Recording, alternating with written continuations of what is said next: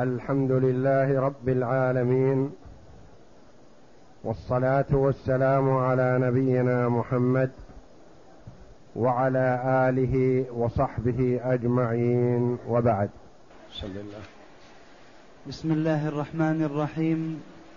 قال المؤلف رحمه الله تعالى فصل فإن كان ماله لا يفي بدينه فسأله غرماؤه الحاكم فسأل غرماؤه الحاكم الحجر عليه لزمته إجابتهم لما روى كعب بن مالك أن رسول الله صلى الله عليه وسلم حجر على معاذ وباع ماله. رواه سعيد بن منصور بنحوه عن عبد الرحمن بن كعب بن مالك. ولأن فيه دفعا لضرر عن الغرماء فلزم ذلك كقضاء كقضائهم.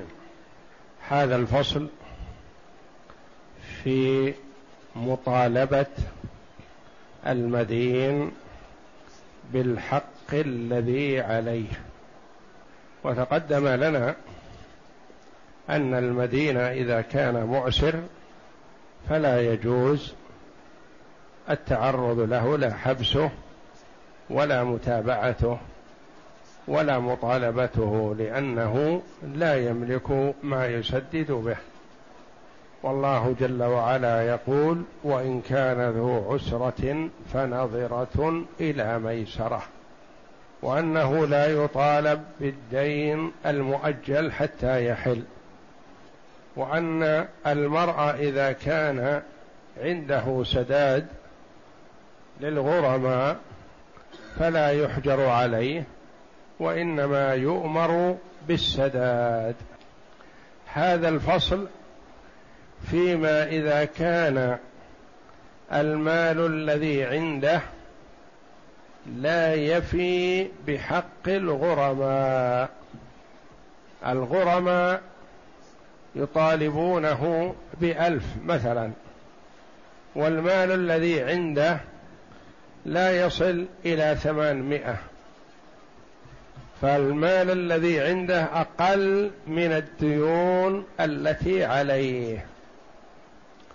يقول رحمه الله فإن كان ماله لا يفي بدينه يعني دينه أكثر من ماله. فسأل غرماؤه الغرماء هم أصحاب الحقوق. الحاكم الحجر عليه لزمه إجابتهم. إذا جاء أصحاب الحقوق وطلبوا من الحاكم أن يحجر على فلان خشية أن يتصرف فيما بقي معه من مال فلا يكون معه شيء. جاء الغرماء وطلبوا أن يحجر عليه. لزم الحاكم أن يستجيب لهم وأن يحجر على المرء. إذا تبين له أن الدين الذي عليه أكثر من ال... من ماله وطلب الغرماء الحجر عليه فإنه يحجر عليه. وفهم من هذا أن الحاكم لا يحجر على الشخص بناء على وجود دين عليه أو إذا كان دينه أكثر من ماله حتى يطلب ذلك الغرماء لأن الأمر والحق لهم. فمتى طلبوا وجبت إجابتهم. ما داموا لم يطلبوا فالحاكم لا يحجر عليه من تلقاء نفسه. لما روى كعب بن مالك أن رسول الله صلى الله عليه وسلم حجر على معاذ رضي الله عنه وبامع ماله معاذ بن جبل رضي الله عنه اعلم هذه الأمة بالحلال والحرام لحقه الدين. فكان دينه أكثر من المال الذي بين يديه. فطلب الغرماء من النبي صلى الله عليه وسلم أن يحجر على معاذ والأحكام الشرعية تجري على الصغير والكبير. لو كان شخص يعفى عنه لمركزه أو لعلمه لعفى النبي صلى الله عليه وسلم عن معاذ بن جبل رضي الله عنه. ولكن لما رفع إليه صلى الله عليه وسلم الغرماء الأمر حجر على معاذ وباع ماله لسداد دينه فلم يفي ماله بالدين الذي عليه. لأن الغرماء يطلبون هذا لدفع الضرر عنهم. فهم لو لم يحجر على الرجل لربما تصرف في ماله. أعطى أخاه أعطى ابنه باع شيئا من ماله خفاه ونحو ذلك فيحجر عليه. فلزم ذلك كقضائهم. إذا طلبوا القضاء والرجل عنده مال فيلزم الحاكم أن يلزمه بالقضاء بقضاء الدين الذي عليه. نعم. ويستحب الإشهاد على الحجر. ويستحب الإشهاد على الحجر. يعني يبين هذا يعلن للناس بطريقة من الطرق التي تظهر الأمر. لئلا يغتر به آخرون فيبيعون عليه ماله فيبيعون عليه المال فلا فلا يستطيع أن يسدد وليس لهم حق المطالبة إلا بعد سداد الديون التي عليه وفك الحجر عنه. ويستحب الإشهاد على الحجر ليعلم الناس حاله. ليعلموا أن فلان محجور عليه. فمن باع عليه فقد دخل على بصيرة أنه لن يسدده الآن حتى يسدد الغرماء السابقين كلهم. نعم. ليعلم الناس حاله فلا يتعامل فلا يعاملوه إلا على بصيرة. نعم. ويتعلق بالحجر عليه أربعة أحكام. ما الفائدة من الحاجر لما يحجر على المرء إذا لحقه الدين وماله قليل. قال ويتعلق بالحجر عليه أربعة أحكام. كل هذه الأربعة الأحكام التي سنعرفها بالاستقراء إن شاء الله تتعلق بال تستفاد وتحصل من الحجر عليه. نعم. أحدها منع تصرفه في ماله. أحد هذه الأحكام إذا قيل حجر على فلان. ثم جاءه شخص قال له تبيعني هذه الأرض تبيعني هذه المزرعة من مزارعة وهو محجور عليه فالبيع غير نافذ. منع تصرفه في ماله فلا يتصرف في ماله بشيء. لا يبيع منه شيئا ولا يهب ولا يتصدق ولا يتصرف في ماله بأي نوع من أنواع التصرف. نعم. فلا يصح بيعه له. فلا يصح بيعه لو باعه بالخفاء ثم تبين أنه باع هذه الأرض أو هذه المزرعة أو هذا البيت بعد الحجر عليه فالبيع غير نافذ البيع باطل. نعم. ولا هبته. ولا يصح أن يهب لو وهب لابنه أو وهب لزوجته أو وهب لأخيه تسترد هذه الهبة. ما ينفذ لأن المال أصبح الآن كأنه ليس بماله. نعم. ولا وقفه. ولا وقفه لو كان حجر عليه في ماله مثلا وله أرض أوقفها تكون مسجد أو تكون سكن لإمام المسجد أو لمؤذن المسجد أو تبع مدرسة أو نحو ذلك ما ينفذ هذا الوقف.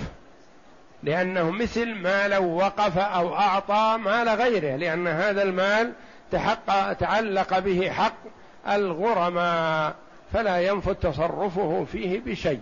نعم. ولا غير ذلك. ولا غير ذلك معاوضة أو جعله مثلا صداق أو عوض خلع أو نحو ذلك. أي نوع من أنواع التصرف تكون باطلة. نعم. لأنه حجر ثبت بالحاكم. لأن الحجر هذا ثبت بحكم الحاكم والحجر إذا ثبت بحكم الحاكم ما صح له أن يتصرف فيه بأي نوع من أنواع التصرف. نعم. فمنع تصرفه كالحجر للسفة. كالحجر للسفة. مثلا صبي له بيت أو له أرض ملكه ورثه من أبيه. هل يستطيع أن يبيعه بدون الرجوع إلى وليه؟ لا. لو باع الصبي ما نفذ بيعه.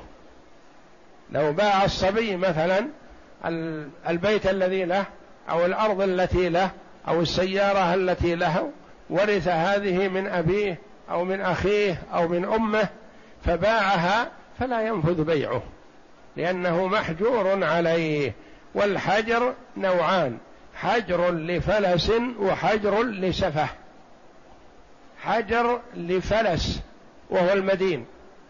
وحجر لسفه كأن يكون صبي صغير أو اختل عقله بعدما كبر فيحجر عليه. نعم. وفي العتق روايتان العتق هذا هو محل الخلاف. إذا كان له رقيق واعتقه لأن الشرع يتشوف إلى العتق وحث عليه. فإذا أعتق فرواية تقول يصح عتقه لأنه بمنزلة الراهن والراهن تقدم لنا أنه لو أعتق رقيقه نفذ العتق ولزمه أن يدفع قيمة الرقيق رهنا مكانه.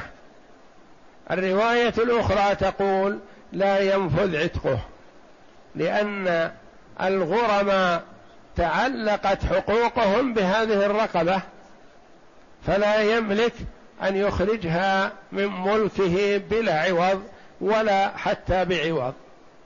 نعم. إحداهما لا يصح لذلك ولأن حق الغرماء تعلق بماله. فمن فمنع. فمنع صحة فمنع صحة عتقه كما لو كان مريضا. كذلك المريض ما يصح تصرفه في ماله إلا بقدر الثلث فأقل. لو تصرف المريض بأكثر من الثلث ما نفذ تصرفه. نعم. والثانية يصح لأنه عتق من مالك رشيد صحيح أشبه عتق الراهن. الرواية الثانية تقول يصح لأنه عتق من مالك أليس هو يملك هذه الرقبة؟ بلى يملكها. والشرع يتشوف إلى العتق. والرجل رشيد ما هو بجاهل. بخلاف عتق الجاهل السفيه المحجور عليه لسفه لا ينفذ. لكن هو رشيد ويحسن ويتقن لكنه أفلس. فالرواية الأخرى تقول يصح عتقه. نعم. أشبه عتق الراهن وقد تقدم. نعم. وإن أقر بدين أو عين في يده كالقصار والحائك يقر بالثوب لم يقبل إقراره لذلك ويلزم في حقه ويلزم في حقه يتبع به بعد فك الحجر عنه. وإن, وإن أقر بدين أو عين في يده. الرجل عليه ديون ثابتة بصكوك مثلا وثبتت لدى الحاكم. أراد أن يضر بأصحاب الديون هؤلاء الثابتة أقر بدين لشخص آخر. ما ثبت شرعا هذا الدين. فيواخذ بإقراره ويلزم به ولا يشارك الغرماء الحاليين. لأن هذا المال الذي بين يديه تعلق به حق الغرماء. فلا يشاركهم من لم يثبت حقه شرعا. وإنما بموجب إقرار لأنه قد يتخذ حيلة. قد يقول مثلا يا فلان أقر لك بهذا المال مثلا من أجل أن تشارك وتقاسم الغرماء ثم تعطيني ما تأخذ. فلا يوافق على إقراره ما لم يكن دين ثابت شرعا. أو عين في يده مثلا قال هذه العين هذه الأرض لأخي أو لأبي وهي في صك باسمه. قال من يتولى تغسيل الثياب مثلا إذا حجر عليه وما في دكانه قال هذا الثوب أو هذا المشلح لفلان.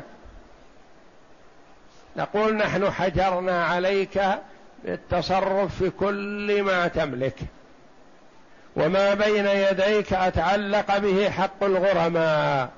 فلا يصح أن تعطي الثوب لأي شخص ولا تعطي المشلح لأي شخص ولا تعطي الأرض لأي شخص بل الغرماء تعلقت حقوقهم بهذه الأعيان.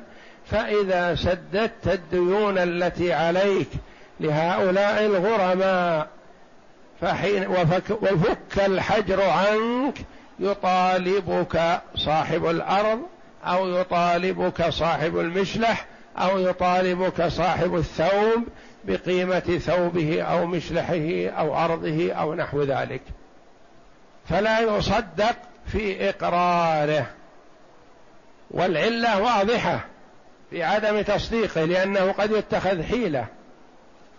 نقول مثلا فلان حجر عليه في ماله. فتقدم الغرماء لإثبات حقوقهم. ثبتت الحقوق شرعا. لوحظ أن المال الذي بين يديه ألف مثلا. وثبت الحقوق التي عليه ألفان. فمحتمل أن يأتي إلى شخص ويقول أنا أقر لك بكذا وتقاسم الغرماء وترد علي ما أخذت فيقر لفلان مثلا بألف فبدل ما يعطى مثلا الغريم خمسين بالمئة من حقه مثلا يعطى أقل من هذا يعطى ثلاثين بالمئة أو أقل ويأخذ هو الزائد فلا يطاع في هذا الإقرار. نعم. وإن توجهت عليه يمين فنكل عنها فهو كإقراره.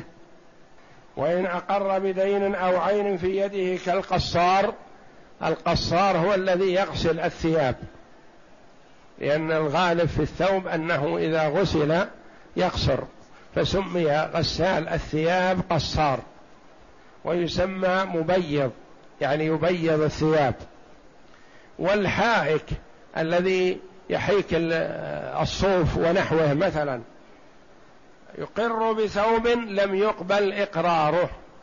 قال هذا الثوب لفلان وهذا المشلح لفلان وهذه العمامة لفلان. نقول لا نحن حجرنا عليك في كل ما بين يديك وتعلق حق الغرماء بما بين يديك فإذا فك الحجر عنك وأخذناك بهذا الإقرار. لم يقبل إقراره بذلك ويلزم في حقه. يعني يواخذ بإقراره لكن متى؟ بعد سداد الديون التي عليه. يتبع به بعد فك الحجر عنه. يتبع يعني يطالب بهذا الذي أقر به بعد فك الحجر عنه.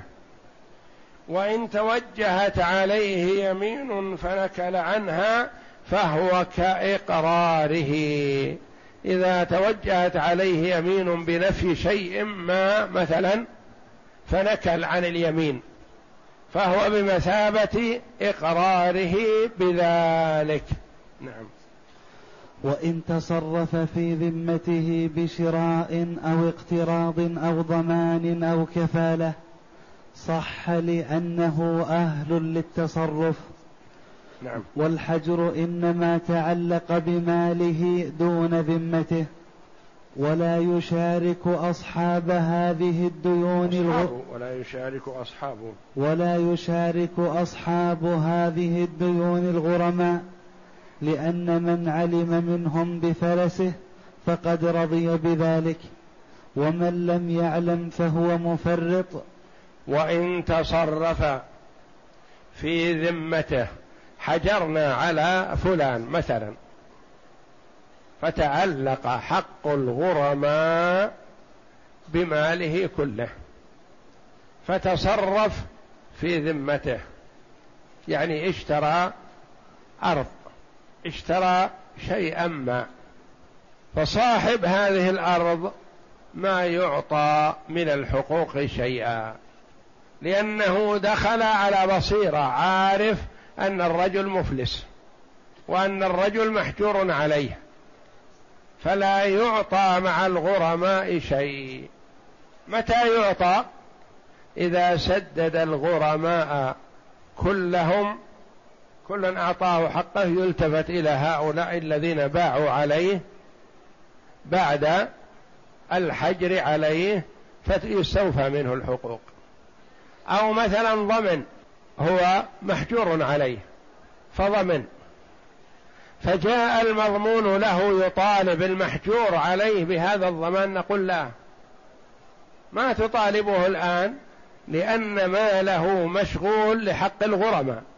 يقول متى أطالبه؟ نقول إذا سدد الغرماء ورفع الحجر عنه فطالبه بما ضمن لك.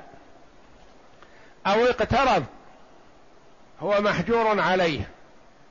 فجاء إلى جاره أو أخيه وقال أقرضني يا أخي. فأقرضه مبلغ كبير. هذا المبلغ الذي اقترضه هل المقرض هذا يكون مع الغرماء في أخذ شيء من المال؟ لا. ربما يؤخذ هذا القرض ويسدد به الغرماء والمقرض ينتظر حتى يسدد الغرماء كلهم. ولا يشاركهم فيما بين يديه من المال وإنما يقال أنت أقرضته بعد الحجر عن عليه فلا تستحق المطالبة إلا بعد رفع الحجر عنه. وقد دخلت على بصيرة يقول ما علمت أنه محجور عليه؟ نقول اذا أنت مقصر. ما احتجت لنفسك ولا اهتممت بمالك. إن كنت عالم فأنت قد دخلت على بصيرة. وإن كنت غير عالم فأنت مفرط متساهل في مالك وحقك أن تسدد بعد سداد الغرماء كلهم. نعم.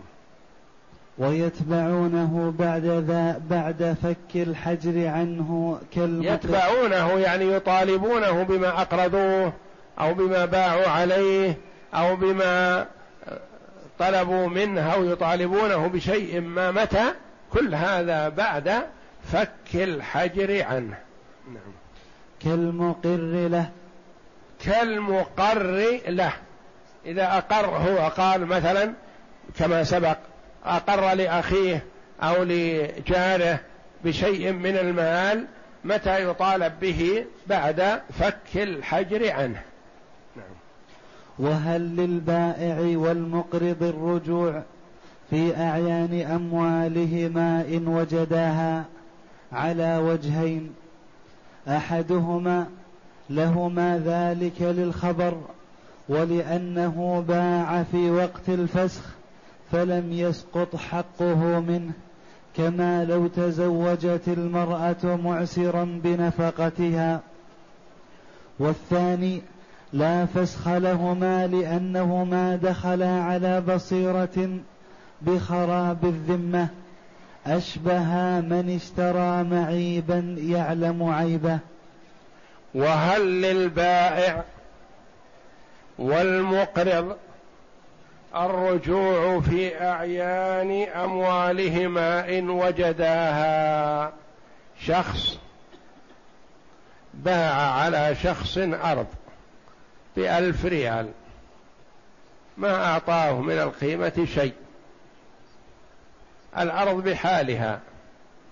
هل لهذا الذي باع بعد الحجر أن يرجع بأرضه؟ يقول لا أنا أريد أرضي. قال على وجهين في مذهب الإمام أحمد. أحدهما أن له الرجوع لأنه ماله بحاله. ومن وجد ماله بحاله عند مفلس فهو أحق به. يقول يا سبحان الله أنا بعت عليه الأرض أمس والآن بتقاسمها أنا والغرماء هي أرضي ومالي وأنا بعتها على هذا الرجل فأنا أحق بها. أريد أن أرجع في هذا البيع لأن الرجل مفلس. إحدى أحد الوجهين يقول نعم له الرجوع لأن ماله بحاله. وهو أحق به من غيره وما تغير بشيء. وأشبه ما لو كان امرأة تزوجت برجل لا يستطيع الإنفاق عليها. أليس لها الفسخ؟ الجواب نعم. يقال للرجل أنفق على هذه المرأة أو طلقها. فإن أبى الإنفاق وأبى الطلاق طلقها الحاكم. لأن المرأة لا تبقى مع الرجل بدون نفقة. إذا طالبت بذلك وإذا سكتت فالأمر إليها. فله حق الفسخ مثل هذه المرأة إذا تزوجت برجل معسر لا يستطيع الإنفاق عليها فلها حق الفسخ. والثاني ليس له حق الفسخ. يقول لأنه يعلم أن ذمة هذا الرجل خاربة. أنه مفلس. فهو دخل على بصيرة. فليس له الرجوع الآن لأنه ربما أدخله الطمع. الأرض تساوي مثلا ثمانمائة وطلبها هذا المفلس بألف فباع عليه. باع عليه نتيجة الطمع أنه أعطاه زيادة فباع عليه. نقول يعامل بنقيض قصده ما دام أنه دخل طمعا فلا يعطى فلا يمكن من العودة فيما باعه لأنه دخل على بصيرة. قال أشبه ما لو كان الرجل اشترى معيبا يعلم عيبه. إذا عرض شيء للبيع مثلا على أنه سليم ثم اشتراه شخص لم يعلم بعيبه ثم تبين له العيب فله الرد كما تقدم في البيوع أو أرش العيب هذا. لكن إذا قيل هذه السيارة فيها كذا تلف أو هذا الطعام فيه كذا حب أو أرز أو غيره مثلا فيه كذا مسوس فيه رائحة كريهة وبيع برخص فليس لمن اشتراه أن يرجع. لأنه علم العيب. أصلا اشترى معيب فليس له الرجوع. فكذلك هذا الذي باع على هذا الرجل المفلس باع عليه وهو يعلم أنه مفلس فليس له الرجوع وليس له المطالبة في الوقت الحاضر حتى يسدد جميع حقوق الغرماء. نعم. وإن جنى المفلس جناية توجب مالا لزمه وشارك صاحبه الغرماء لأنه حق ثبت بغير رضا مستحقه فوجب قضاؤه من المال كجناية عبده. وإن جنى المفلس جنى على شخص وهذه الجناية توجب مال. إيه؟ مع الغرماء أم لا يطالب بحق الجناية إلا بعد فك الحجر عنه كحال البائع والمقرض فيما سبق. الجواب؟ بل يكون مع الغرماء ومن حقه المطالبة لأن الجناية هذه ما صارت باختياره حتى نقول أنت دخلت على شخص مفلس وتعرف إفلاسه. مجني عليه فتعلق حقه بذمة هذا وماله فيشارك الغرماء. إيضاح هذه المسألة. شخص باع على المفلس سيارة بعد الإفلاس. فصفيت حقوق المفلس فجاء صاحب السيارة يقول أعطوني حقي. من هذا نقول لا أنت بعت عليه وأنت تعلم إفلاسه. فليس لك شيء حتى يسدد الغرماء الأوائل. هذا المفلس صدم شخصا فكسر رجله فوجبت عليه دية الرجل. فجاء الذي كسرت رجله. يقول أعطوني حقي مع الغرماء. فنقول أنت ما كسرت رجلك إلا بعد الحجر عليه فلا نعطيك شيء؟ لا. يقول أنا مجري علي. أنا ما دخلت على بصيرة مثل الأول الذي باع عليه. الأول باع عليه وهو يعلم أنه محجور عليه. من حقكم ألا تعطوه شيء. لكن أنا مجبر على هذا. أنا كسر رجلي وأنا أريد عوض أرش رجلي أريد دية رجلي مثلا. فيعطى هذا لأن الجناية حصلت بدون اختيار المجني عليه. فلا يقال للمجني عليه أنت أسوة الغرماء بخلاف البائع عليه باع عليه باختياره فيقال له أنت حقك إسوة الغرماء. كذلك كجناية عبده. المج... المحجور عليه جنى عبده جناية. هذه الجناية تعلقت برقبة العبد الرقيق. إذا بيع تسدد الجناية اولا وقبل كل شيء. نعم. وإن ثبت عليه حق بسبب قبل الفلس ببينة شارك صاحبه الغرماء لأنه غريم قديم فهو كغيره. وإن ثبت عليه حق بسبب قبل الفلس ببينة شارك صاحبه الغرماء.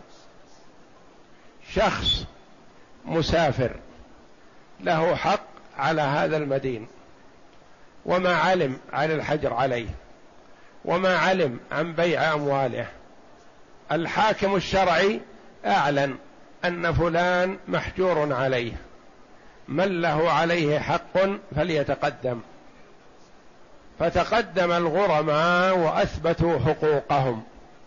ثم بيع ماله. وقبل قسمة ماله على الغرماء جاء هذا الرجل المسافر وقال أنا حقي ثابت. نقول نحن حجزنا أمواله لحق هؤلاء الغرماء وأنت لست منهم. يقول أنا أستطيع أثبت حقي ببينة. ما أرضى بإقراره ولا طلبت منه أن يقر. حقي ثابت ببينة. فإذا أثبت حقه ببينة أصبح أسوة الغرماء. فرق بين أن يثبت هذا الرجل حقه بإقرار المدين لا نعتبره. نقول يمكن مواطأة بينك وبينه ما نوافقه. لكن إذا أثبت حقه ببينة عرفنا أن له حق سابق. نقول طيب نسأل البينة. متى هذا البيع؟ قبل الحجر عليه أم بعده؟ فإذا قالوا قبل الحجر عليه أثبتنا هذا الحق. وإذا قالوا نشهد أن فلان باع على فلان لكن بعد الحجر عليه فهل يثبت مع الغرماء؟ لا يكون بعد فك الحجر عنه. يعني العبارة هذه وإن ثبت عليه حق بسبب قبل الفلس سبب يعني بيع أو قرض. أو حق من الحقوق مثلا أو أمانة أو وديعة أو أرش أو صداق أو نحو ذلك قبل الحجر عليه. لكن الرجل ما أثبت هذا بإقرار المدين وإنما أثبت بالشهود. قال عندي شهود. فنأخذ ونعتبر شهادة الشهود مثبتة للحق بخلاف ما لو كان إثبات الحق بإقرار فقط فلا يعتبر إقراره الآن على الغرماء وإنما يعتبر إقراره على ذمته بعد فك الحجر عنه. نعم. فصل. لا. شارك صاحبه الغرماء لأنه غريم قديم فهو كغيره. لأنه غريم يعني لأنه صاحب حق قبل الفلس. أما صاحب الحق والغريم بعد الفلس فلا ينظر في طلبه إلا بعد فك الحجر عنه. والله أعلم. وصلى الله وسلم وبارك على عبده ورسول نبينا محمد وعلى آله وصحبه أجمعين.